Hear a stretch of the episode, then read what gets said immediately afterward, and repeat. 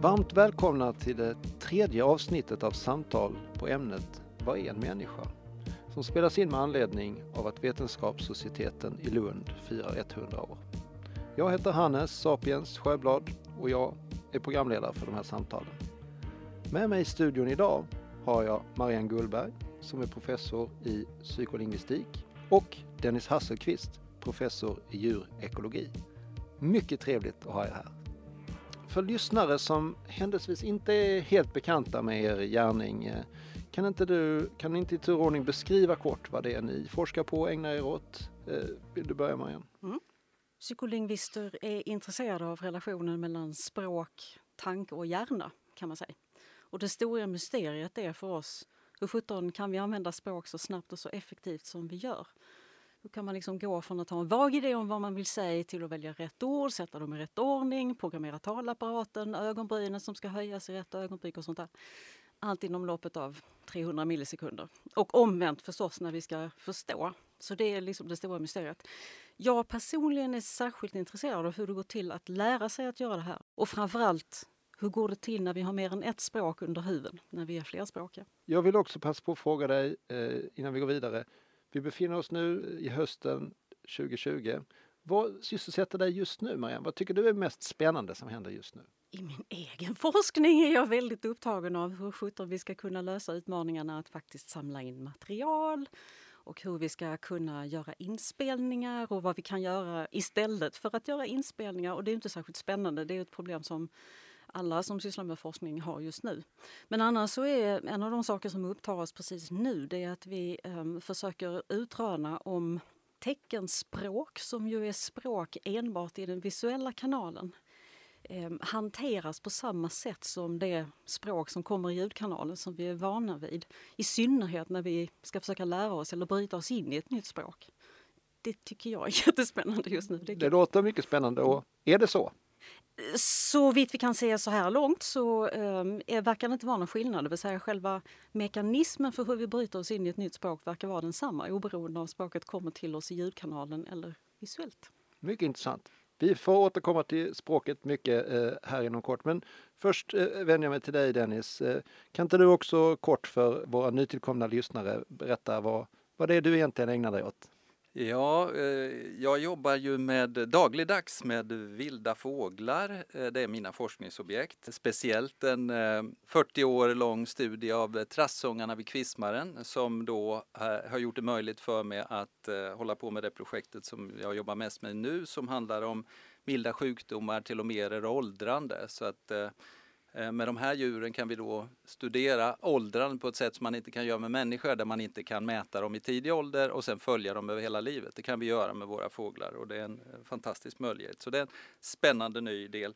Så vi, vi vill ju, vi ekologer vill ju försöka förstå hur djur eh, lägger upp sina liv, vilka egenskaper hos djuren, vilka beteenden hos djuren som gynnar dem, gör att de är mer framgångsrika i det vi kallar fitness och fitness här är inte det du får på gymmet utan fitness är hur många avkommor producerar du som är av så hög kvalitet så de i sin tur kan reproducera sig. Och det ett, blir ett mycket spännande problem för det kan finnas olika strategier och så. Så sånt håller vi på med. Eh, sen gör jag också lite hobbyforskning håller jag på att säga. Nej, men vi, vi är intresserade av eh, fågelflyttning och hur det fungerar, de här trassångarna. Och där har vi ju nya metoder som gör att vi har helt fantastiska studier. Jag blev forskare en gång i tiden för att jag ville studera flyttfåglar. Och det jag drömde om att vi skulle göra då, det var att liksom kunna följa individer i princip till Afrika och tillbaka och förstå vad de gjorde. Det kan vi göra idag. 40 år senare. De är uppkopplade till sakernas internet? Nej, enkelt. inte de här småfåglarna. Man fick vara ännu smartare och hitta på en annan metod. För att ska du skicka signaler, då måste du ha mycket batteri. Mm. Då kan inte fåglarna bära det. Så det är bara stora fåglar man kan göra. Snart kommer det att vi kan göra det med de små också. Men vi har gjort jäkligt smarta grejer med de små grejerna och de, de vi har tillgång till också. Och du, jag tar din fråga direkt. Ja. Vad är det som är mest spännande? Därför att det är jag, mitt huvudämne idag kan man säga generellt är immunoekologi och eh, det ledde mig in på ganska tidigt också djurspridda sjukdomar, zoonoser. Så jag har ju då eh, och det är fascinerande i, i dagstid eller i mm. ögonblicket då att jag har ju föreläst om djurspridda sjukdomar, pandemier och sådana saker i många år. Och då har jag ju sagt så här att det är inte frågan om om det kommer en pandemi. Frågan är när den kommer och hur den ser ut. Det intressanta är ju när det väl kom så var det så annorlunda kanske än vad vi hade trott. Både vad det var för sjukdom. Den här är ju rätt löjlig egentligen jämfört med de pandemier vi har haft historiskt sett. Det här är relativt snällt. Men effekterna i samhället är ju enorma mm. och inte, går inte att likna vid egentligen någonting vi har haft förut. Alltså, vi vet om vad som händer, för visste de ingenting. Mm. Och det här är ju fascinerande med varje dag, mm. både ur ett positivt och negativt perspektiv, mm. vilka effekter detta kunde ha. Det tror jag ingen av oss kunde drömma om.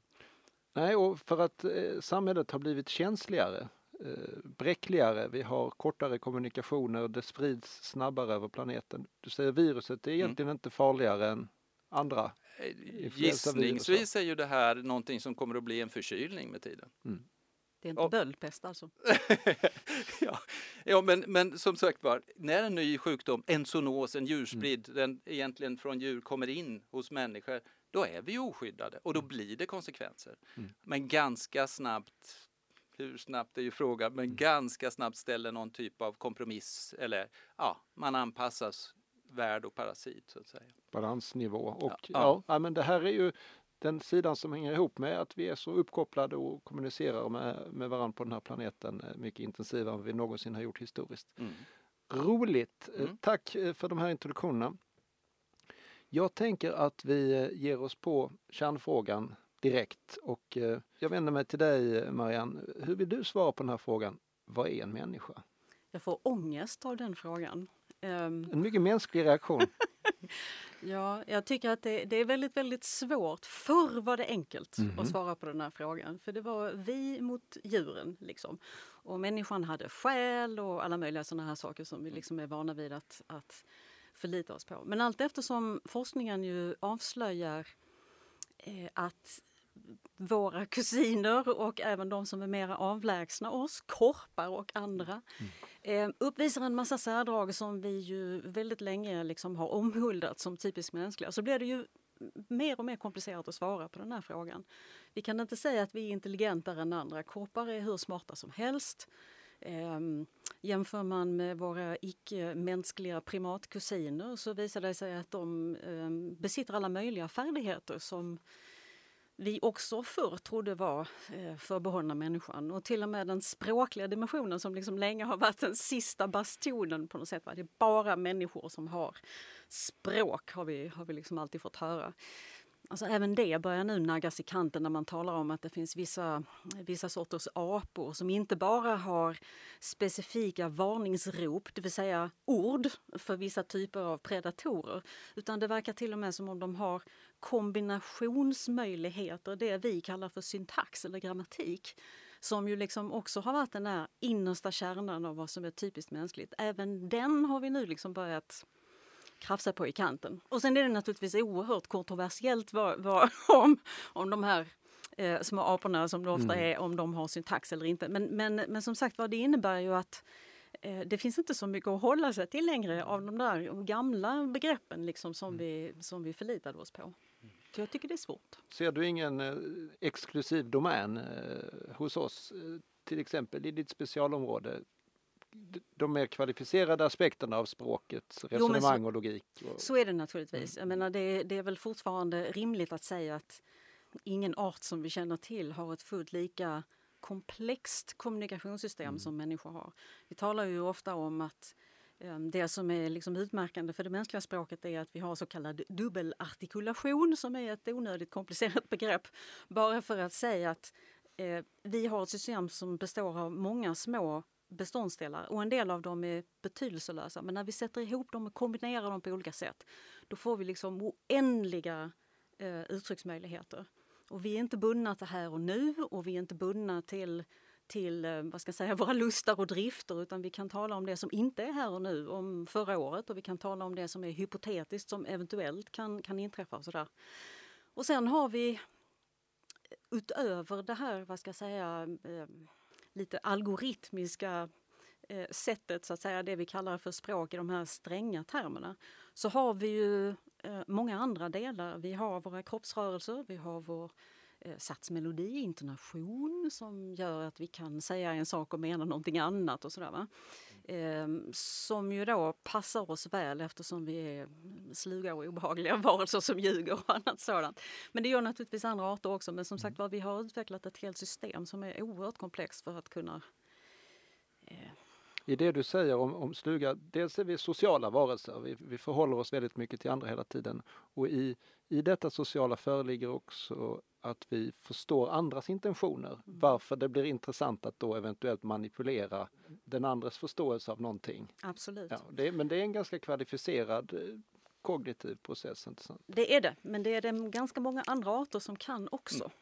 Frågan är så att säga bara i vilken mm. utsträckning de kan samma saker som vi. Mm. Eh, och det där är ju, och det vet ju Dennis naturligtvis bättre än jag, höll jag säga, men det är ju ett helt forskningsfält, mm. komparativ mm. psykologi till exempel och kognitiv och evolutionspsykologi, mm. där man eh, utför alla möjliga experiment just för att se om primater till exempel kan avläsa intentioner eh, om de har det vi kallar för theory of mind, om de kan sätta sig in i vad någon annan tänker och tror. Jag vill fråga dig Dennis, vad står i vetenskapens förståelse idag om, om theory of mind ja. hos oss själva och andra? Ja. Förlåt, det var orättvist. Det, det var, det Vad bra att du stod där. Jag, jag vet ju då att eh, det är ju en forskargrupp som jobbar lite med det här på, på våran avdelning faktiskt och eh de har ju i varje fall kommit fram till att det verkar inte som talgoxarna har theory of mind men, men eh, en del andra fågelarter har ju det. Men, eh, men, eh, men eh, talgoxarna är nära och då har vi någonting som vi ansåg var riktigt svagt. Alltså som de här små fåglarna, de trodde vi inte mycket om. Eh, men de nuddar vid där. Precis. Så att, ja. Bläckfiskar. Ja, precis. Det där att man, att man känner igen sig själv mm. så att säga i mm. spegelbild mm. och sådana här ja. saker. Det är också en sån ja. sak som ja. framhålls ibland. Mm. Och det tror jag faktiskt en del Åh, det är inte så att talgoxarna klarar det. Jag undrar, ja det, jag tror det. Jag kommer inte riktigt ihåg nu allt. Eh, nej men jag tänkte på det här, vad är en eh, människa? Och jag anknyter ju lite där till Marians, alltså biologiskt är vi ju ett djur som andra så ser vi evolutionsbiologer på det. Alltså fysiologin liknar och, och, och, genetiken liknar enormt mycket visade sig ju plötsligen. Det är ju löjligt lite skillnader. Men så det blir ju mer eh, kanske när man kommer in i hjärnan, i kommunikationen, i nivån på komplexitet i de delarna där vi börjar stå ut eh, på något sätt. Eh, jag gillade lite det här, eh, hade en liten diskussion om det igår, att vi är den enda organism som funderar på livets mening. Och det tror jag ganska tydligt på. Jag tror inte att så många andra organismer funderar på livets mening. De har fullt upp med att överleva. Mm. De, de funderar jättemycket på hur de ska lösa livets problem, men vad det är för mening med det. Alltså, sen är ju livets mening jätteenkelt för en biolog. Livets mening är förmering, fortplantning. Det är så livet uppstod och, och men det hjälper ju inte så mycket för oss människor den, den förklaringen egentligen. Däremot kan det möjligen förklara en del av, av um, våra beteenden som vi tycker är ologiska idag men som man kanske kan se paralleller hos andra organismer och att det kopplar lite till detta med fortplantning. Många av våra kulturyttringar, alltså man sa ju förr att människan är den enda eh, art som vet att den ska dö. Mm. Det är ju en, liksom en, en annan mm, vinkling mm. på det där med ja. att fundera över livets, ja. livets mening. Och jag vill, väldigt många av våra kulturyttringar, inklusive religion och sådant, är mm. ju på något sätt i alla fall byggda runt mm det problemet. Ja, ja att vi, vi tvingas förhålla oss till det ja. och, och, så får vi använda våra tillbudstående medel av fantasi och berättelser för att fylla den, det tomrummet av kunskap. Ja. Precis. Och, och, och, en del liksom trosriktningar så, där är ju nästan livets mening att dö för att sen kunna komma till det rätta stället. Ja, så att det, det, där är vi någon annanstans än de flesta, det tror jag. Sen är ju dock det här med det är ju lättare att förstå upplevelsen att vara människa än vad det är eh, att förstå upplevelsen att vara en myra eller en kaskelot för oss. Det ska vi också ha helt mm. klart för oss. Mm. Vi missförstår ju så mycket djur. De verkar ju dumma och de är ju som robotar. Nej, de är inte som robotar. De har ju evolverat under miljontals år, de, de är jättebra på sin sak. Men jag menar, när en, en fågel, eh, en gärdsmyg får en gökung i sitt bo och matar sex gånger så mycket den ungen eh, som man skulle mata en egen unge eftersom gökungen låter som sex gärdsmygsungar. Och vi tycker den är dum i huvudet, den borde ju se, alltså den står ju i mungipan och matar ner, den är ju liksom en åttondel så stor som ungen. Varför? Nej men tänk på det andra sättet. De som inte matade till varje pris, de fick inte ut sex ungar. De som tyckte att jag går och tar en kafferast ibland och jag skiter i det här. Och, ja, de fick ut två ungar, de är inte kvar. Mm, mm, mm. Och om det då någon enstaka gång blir en gökunge i boet, ja, det spelar liksom ingen roll över evolutionär tid, över det som gäller när det blir en art och hur, hur du anpassar din hjärna, din uppfattning och så. Hos fåglar blir, blir det väldigt simpelt. Vi tycker det är löjligt simpelt. Men där sätter man ju på något sätt ändå fingret på någonting som då skiljer oss från, från dem eftersom vi inte enbart tänker på vårt förmerande utan att vi har Mm. andra värden som Mm. vi tycker är väsentliga, Mm. nämligen eh, altruism och alla möjliga Mm. sådana här saker. Mm. Den lille stackaren där som inte Mm. fick någon Mm. mat Mm. Ja. vid sidan om, Ja. tycker vi ju synd om. Vad Mm. nu det är för en sorts känsla. Alltså. Mm. Ehm, Men hur länge har vi gjort det? ja, nej, det är ju I- naturligtvis i- en utmärkt fråga. Ja, Mm. i, i, i liksom historisk tid. Så jag tror inte, jag tänkte just på det här igår, att hur långt tillbaka ska vi gå till när vi inte funderade om livets mening? Döden har vi funderat på, känns det som i alla tider, men livets mening tror jag inte vi har funderat på så väldigt länge. Nej, men man vet, hittar ju, det finns ju bak till till och med neandertalkultur så finns det där man hypotetiserar om de har begravts eller Mm, ej ja, beroende på ja, hur, hur kroppen Ja. är placerade. Ja. Så det är nog vä- väldigt gammalt det där med en viss försök att förstå vad som händer sen. Ja. Men absolut funderandet på livets mening kanske mer av ett lyxproblem eh, när livet inte bara är kort och brutalt. Så skulle jag ju i varje fall, den hypotesen skulle jag ställa upp. Ja. Men jag vill faktiskt borra lite till i detta med språk, eh, Marianne. Mm. Och hur centralt är språket för upplevelsen av att vara människa? Det handlar ju om att, också om att språket och våra tankar formar ju varann, inte sant? Vilket kom först? Vad är det liksom? Det går ju inte att svara på. Det förstår du själv, det är därför du ställer frågan. Ja, jag vill ha ditt svar tack. Nej men det går, inte, det, det går ju inte att svara på. Men, eh, så så jag ska ju också säga att när du ställer frågan hur centralt är språket så är jag ju part i målet. För jag är ju liksom betingad att säga att språket är helt avgörande för oss för att vi ska uppfatta oss själva och andra som mänskliga. Mm. Och jag menar ett intressant test på det är ju, jag menar det finns ju alla möjliga intressanta liksom, dimensioner i detta. Hur förhåller vi oss till våra husdjur? Vi talar till dem som om de förstod vad vi sa. Och en del av det har de säkert kommunikativ kapacitet att avkoda så att säga. Va? Men har de ett språk så som vi liksom känner att vi kan, att vi kan verkligen ha, ha en dialog, låt säga, med dem? Svaret på det är nej. Vi talar ju till och med våra krukväxter, det är inte jättesmart, men vi gör det. va? Många pratar med sina robotdammsugare. Ja, och det var det dit jag skulle komma. Att husdjur, krukväxter, robotar. Va? Eh, robotar är ju ett utmärkt exempel på det här att där går det ju någon slags väldigt tydlig gräns. Eh, vi kan ju uppleva saker och ting som humanoida om de har någonting som liknar ögon och kanske något som liknar en mun. Va? Då förhåller vi oss till dem som, som om de nästan vore mänskliga. Men i och med att vi inte får, alltså vi kan inte ha det här kommunikativa utbytet med dem som är helt avhängigt av att vi har ett gemensamt språk. Och när det liksom fallerar, ja då bryter illusionen åtminstone delvis ihop. Eh, Och därför är det ju så viktigt med um, sån här teknologi, alltså tal, tal och språkteknologi, att vi ska kunna prata med Siri och Siri i mobilen och Siri ska kunna säga någonting rimligt tillbaka. Det där är ju en algoritm, men vi, vi genomskådar den ganska snabbt. Vi är Därför att- jättebra på att genomskåda. Ja, Mm. därför att det är inte så det funkar liksom på riktigt. Men jag, menar, jag skulle ju säga att alltså, precis som du var inne på här att tanke och språk är ju ömsesidigt formande. Eh, och därför är det så spännande att titta på barns språkutveckling. För att deras tankar och deras kognitiva kapacitet och deras språkförmåga utvecklas ju parallellt. Eh, om det går fel någonstans i någon av de där delarna så blir det väldigt uppenbart för oss.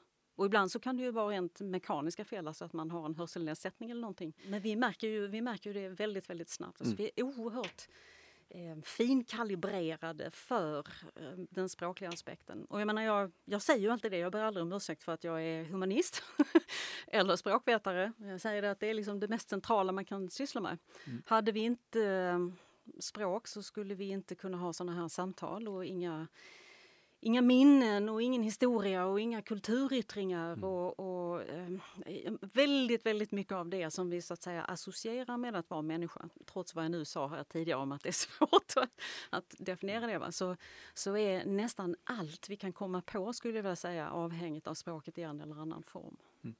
Så Språket är en slogan. orubblig kärna i att vara människa. Ja, jag skulle säga det. Mm. Vad säger du? Nej, men det tror jag absolut. Jag tänker just det som du forskar på Marianne, det här med som ni gör också, att det inte bara orden man säger utan det är också hur ansiktsuttryck och sådana saker. Är det därför vi tycker de här Zoom-mötena är så jäkla dåliga efter ett tag?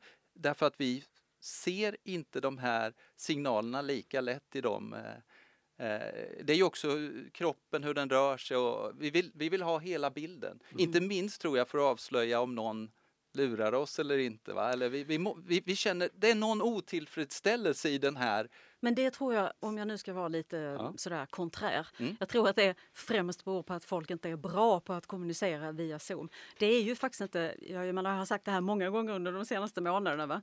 Um, det finns ju väldigt enkla trick för att man ska kunna ha bra Zoom-möten. Mm. Ett av dem är att man förhåller sig så långt ifrån kameran så att folk faktiskt kan se mm. ens händer mm. om man gestikulerar. Mm. Ett annat är att man tränar sig att inte titta på rutorna på skärmen utan att man tittar in i kameran mm, så att folk får mm, en känsla av att man har mm, ögonkontakt från och till. Va? Det är ju busenkla trick som, som förändrar upplevelsen radikalt. Men jag menar en annan aspekt är ju det här är att det är ju faktiskt så att alla är inte lika bra på att kommunicera. Det är också en sån här chockerande sak som man inte fick säga för ett par år sedan men jag säger det i alla fall för det är sant. Va? Det finns jättetrista människor att tala med. Sådana vars vars satsmelodi är totalt platt och som låter så här hela tiden och där man inte kan avgöra någonting och, och de rör ofta inte på händerna heller. Mm. Jämfört med sådana vars ögonbryn hissas när de betonar någonting eller mm. att de rör på huvudet när de, när de um, ger någonting en fas, eller händerna för den delen. Så att jag menar, den vanliga variationen finns där ju även, även på mm. Zoom. Men med allt det sagt så är det ju naturligtvis alltså det är svårare att kommunicera när man inte ser varandra. Mm. Och jag menar, det yttersta, ett bra test på det är ju hur obehagligt det är att tala i telefon om man måste tala ett språk man inte är så bra på. Mm. För då kan man inte förlita sig på alla de här extra resurserna som man i normala fall har. Mm. mm. Där man kan se lite bedjande ut när man har sagt mm. någonting som man inte liksom är riktigt säker på om det är rätt eller ej. Och mm. sådär. Ja, det är ju fler språk desto härligare komplexitet. ja. På tal om komplexitet, jag vill eh, också prata om detta. Eh, vi ju, har ju också den biologiska aspekten med oss. Och visst, vi kan prata om oss själva som en art och att vi har våra nära släktingar. Men vad jag också vill eh, gräva lite i tillsammans med det Dennis är detta att när vi pratar om, okej, okay, vi människor, ja men jag är en kropp, jag är avgränsad, jag tillhör en viss art. Men vi är ju i själva verket också ett ekosystem.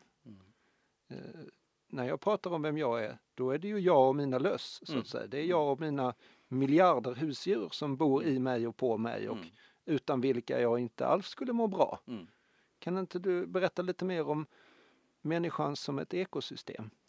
Ja, det är vi ju definitivt. Eh, och eh, till exempel i, i mag-tarmkanalen är det ju hyggligt viktigt och, och nu har man ju också Eh, ju mycket forskning där och eh, upptäckt att hur man, vilken typ man är där kan faktiskt påverka hur man mår men också vilken typ av människa man är. Och, ja, det finns massor av kopplingar. Så att vi, vi är ju, på så sätt är vi ju lite som kor då som, som, som odlar sina, de odlar ju sina mikroorganismer för att kunna bryta ner sin mat.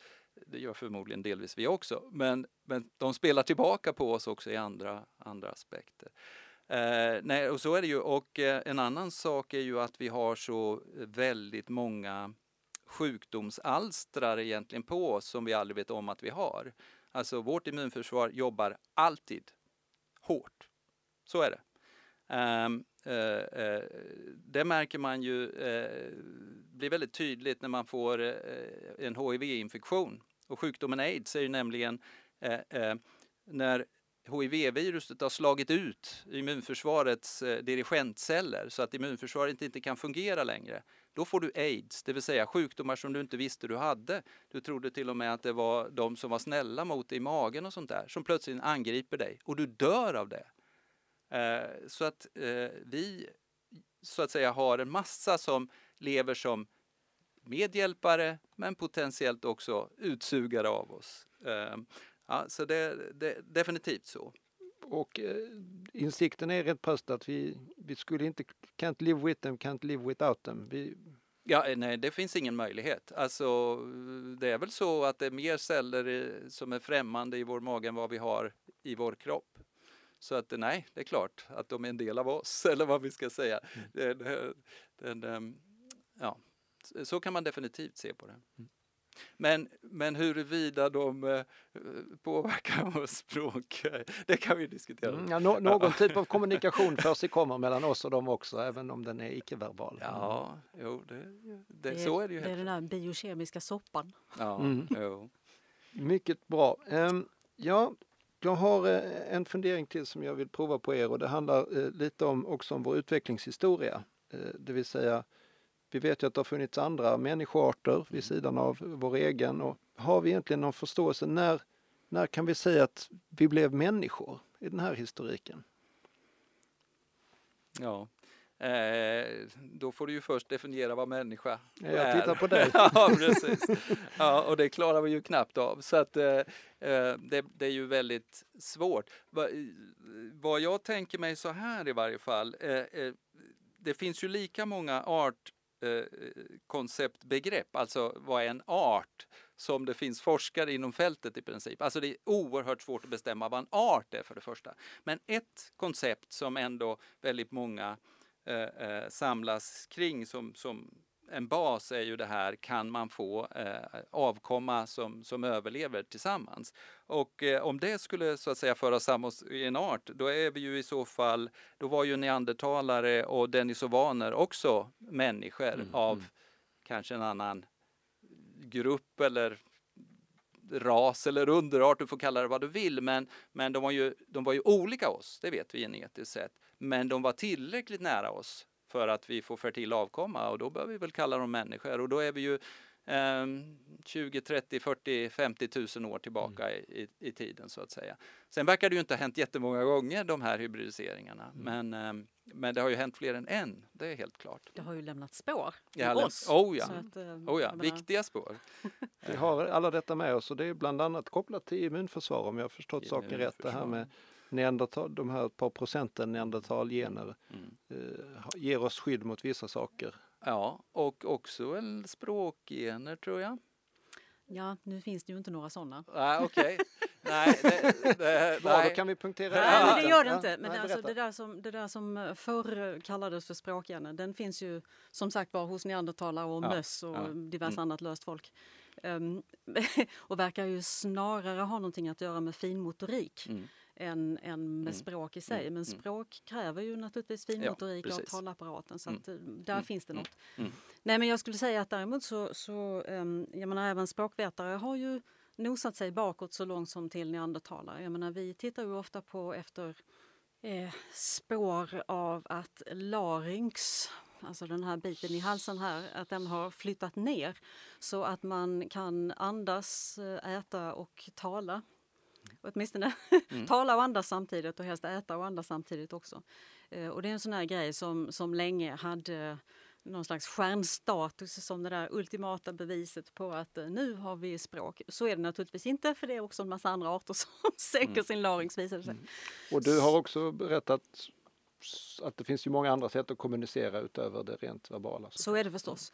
Tidiga teorier om hur språk uppstod evolutionshistoriskt sett då, det var ju att vi inte började med att tala utan att vi började med att gestikulera. Den där teorin var poppis på 1700-talet och sen blev den liksom totalt förbjuden och helt tabu. och numera är den jättepopulär igen sen man har upptäckt de så kallade spegelneuronerna som då är neuroner som, som eh, avfyras i hjärnan när man ser någon som sträcker sig efter någonting eller griper eller någonting. Och de, om vi nu har dem som människor så sitter de på ungefär samma ställe som den delen av hjärnan där vi tänker oss att mycket av den språkliga aktiviteten sker.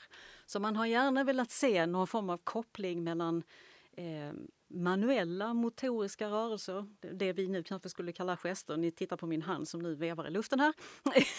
och, eh, och eh, tal men producerat från, från den vanliga talapparaten så att säga. Ehm, det där är fortfarande ganska kontroversiell forskning men ehm, Eh, det det har inneburit är ju liksom återigen att kopplingen mellan oss och våra kusiner och även kopplingen bakåt så att säga mot tidigare människoformer eh, den har ju på något sätt krympt avståndet här och inneburit att vi plötsligt kan börja tänka på vad skulle vara förelöpare till, till språk och hur skulle vi liksom känna igen dem och så där vidare. Eh, på ett sätt som är ganska spännande. Och det innebär att nu tittar vi till exempel eh, på fossila skallar och sådär för att se liksom, om man kan se på insidan av skallen någon form av avtryck av en utvecklad hjärna som på något sätt skulle låta oss säga att här finns någonting som ser ungefär likadant ut, homologer till mm. det vi ser hos, hos moderna människor. Så. Och sen så har jag kollegor i världen som tycker att de har räknat ut att neandertalarna inte bara hade språk utan att de dessutom hade språk som påminner om kinesiska. Mycket intressant. ja, ja. Eh, vad tycker du själv om detta? Är det bara, det är en, det rimligt? Vad, ja, vad nej, men alltså, det är skoj, men alltså, det, är ju, det är ju en teori, det är en ja, hypotes. hypotes. Mm, det är mm. liksom en empirisk fråga om man kan understödja det. Svårt att uh, prova live kanske? Mycket. Ja, men eh, jag tror kanske att vi närmar oss eh, slutet på detta så att jag vill då skjuta en avslutande fråga på er. Nu har vi faktiskt bringat en viss klarhet i vad vi tycker ändå är några essentiella attribut i att vara människa. Men om vi tittar framåt då? menar, vi är ju Eh, Eh, inte en fix identitet och av alla de eh, eh, människoarter som har funnits har de flesta försvunnit. Vad ser vi om vi tittar framåt? Kommer det en dag vara så att vår art, eller det vi anser som människor idag, kommer att ersättas med något annat? Har du någon tanke om det Dennis? Ersättas av någonting annat? Du menar om människan kommer att fortsätta att utvecklas och förändrar sig? Ja, det tror jag ju absolut. Evolutionen, den kommer vi inte ifrån hur vi än gör. Folk kan ju säga att de är oroliga för att evolutionen har slutat att fungera i människosamhällen. Det är ju det, det är struntprat för att eh, eh den fortsätter ju. Men absolut inte på samma sätt som om vi hade levat mer som vi gjorde för 500 år sedan eller 5000 år sedan. Det, det är ju stor skillnad. Men evolutionstrycket är kanske minst lika stort idag, men i andra riktningar. Och även kanske det här synen på vad en människa är, det tror jag alltid kommer att mm. förändras. Hur tror ni lite. den kommer att förändras då? Kommer vi ha en annan syn på vad som är en människa om hundra år? Jag känner att du möjligen fiskar här liksom efter artificiell, artificiell intelligens. Och, mm. Eller kanske låt oss börja med artificiella lemmar och ersättningsdelar och sådana här saker som, som vi ju redan lever med i någon mening. Men um, alltså tanken på att vi ska kunna eh, kanske bli mera som robotar eller att vi ska morfa ihop på något vis med, med eh, artificiell intelligens. Och så här. Det där är väl eh, mycket svårt tycker jag att säga om. För på något sätt så är det ju ändå så att när det kommer till kritan så är vi väldigt rädda om vår egen mänskliga identitet. Det är ju liksom, vi är nyfikna på ny teknologi och vi närmar oss eh, Ehm, robotar. Det, det, vi kan börja titta på hur populära robotar är när det är såna här allmänna visningar och sådär. Det kryllar av folk som tycker att det är jätteroligt att interagera med de här små vita grunkorna som vinkar och så. Men, men jag tror ändå att steget från det, att liksom tycka att det är charmigt med någonting som liknar det mänskliga till att tänka sig att vi liksom skulle förändra synen på vad som är mänskligt. Jag tror det steget är längre än vi tror. Om jag då får försöka förtydliga min tanke lite till. Det handlar ju också om att om vi tittar tillbaka bara de senaste 200 åren, eh, och nu pratar jag i rent vetenskapliga termer, inte att vi skulle förändras, så har vi också vår syn på vad som är människa har förändrats. Genom Darwin, genom eh, också genom eh, genetisk förståelse, genom juridisk utveckling så har vi också en annan människosyn idag. Ser ni några gryende trender i hur, vad, om det möjligen finns fler förändringar runt hörnet som inte nödvändigtvis bara handlar om en cyborgarm eller två? Ja, jag kan inte tänka mig, jag menar så stora förändringar som vi har haft de senaste 200-300 åren som ju måste radikalt ha förändrat synen på människa och vad det är att vara människa och vilka framförallt etikregler och tankar om vad livet är. Och det är klart, det, det kan ju inte bara sluta här. Det, det, det är frågan vilket tempo ska det accelerera som det har gjort de senaste 200 åren? Då blir man lite trött när man tittar framåt kanske, kan jag tycka. Kanske det inte accelererar, men, men helt klart att det förändras. Det, det, vi, vi... Ja, det tror jag också. Men vad kommer förändras? Men jag tror, jag, men alltså, jag, jag, bara, men det är ju, det är ju också intressant att vi liksom, det är klart att om vi tar de senaste tre åren att, att väldigt mycket har förändrats. Men samtidigt så ser vi ju, just därför att vi är människor och stundtals motvalls, vi ser ju så att säga tillbakasvängningar också. Va? Man tänker på att vi har en mer mekanistisk syn på vad, vad människan är mm. idag än för 200 år sedan. Så är det ju fortfarande så att vi ändå ser alltså nyspirituella rörelser och sådär som liksom sätter sig emot den där rörelsen. Så att jag, jag är helt överens med dig Dennis här om att alltså det är klart att det kommer att förändras. Hastigheten tror jag ehm, är svårare att förutspå eftersom den ju, det är ju inte bara så att det liksom är positivistisk full fräs framåt utan vi som människor tenderar att vilja bromsa och köra ner hälarna i marken också ibland. Ja, men också, eh, eh, ja, man kan ju se, eh, i livet så har man ju liksom en utveckling känns det ju som, eller man, ibland känner man, ja jag går runt i en cirkel därför att jag kommer tillbaks till samma frågeställningar. Och plötsligt när jag är 50 så kan jag möta samma frågeställning jag hade när jag var 20. Jag har inte tänkt på den på 30 år, men plötsligt är jag tillbaka. Och det låter ju som att vi går runt i ett eh, eh ekorrhjul eller någonting sånt där. Nej, jag, jag, ser på det istället som det är en uppgående spiral. Du tittar på samma sak från en annan synvinkel och plötsligen förstår du den också på ett annat sätt. Men grundfrågorna är densamma. Och, och, och jag tänker på det här med eh, eh, detta med, okej, okay, i Sverige kanske inte så många religiösa, men vi har ett väldigt stort behov som människor av något magiskt, något med något större innehåll, något med någon och det kanske, idag kanske vi kan få det på andra sätt än vad vi fick förut, men behovet är enormt. Det är enormt stark drivkraft i oss. Och, och, och, det saknar jag lite idag kanske. Eh, det är så många som är så eh, på något sätt uppgivna, vi vet allting, det är ingenting och det är inte ens värt att börja anstränga sig och, och, och... Jo, det är det visst. Eh, det är jättespännande.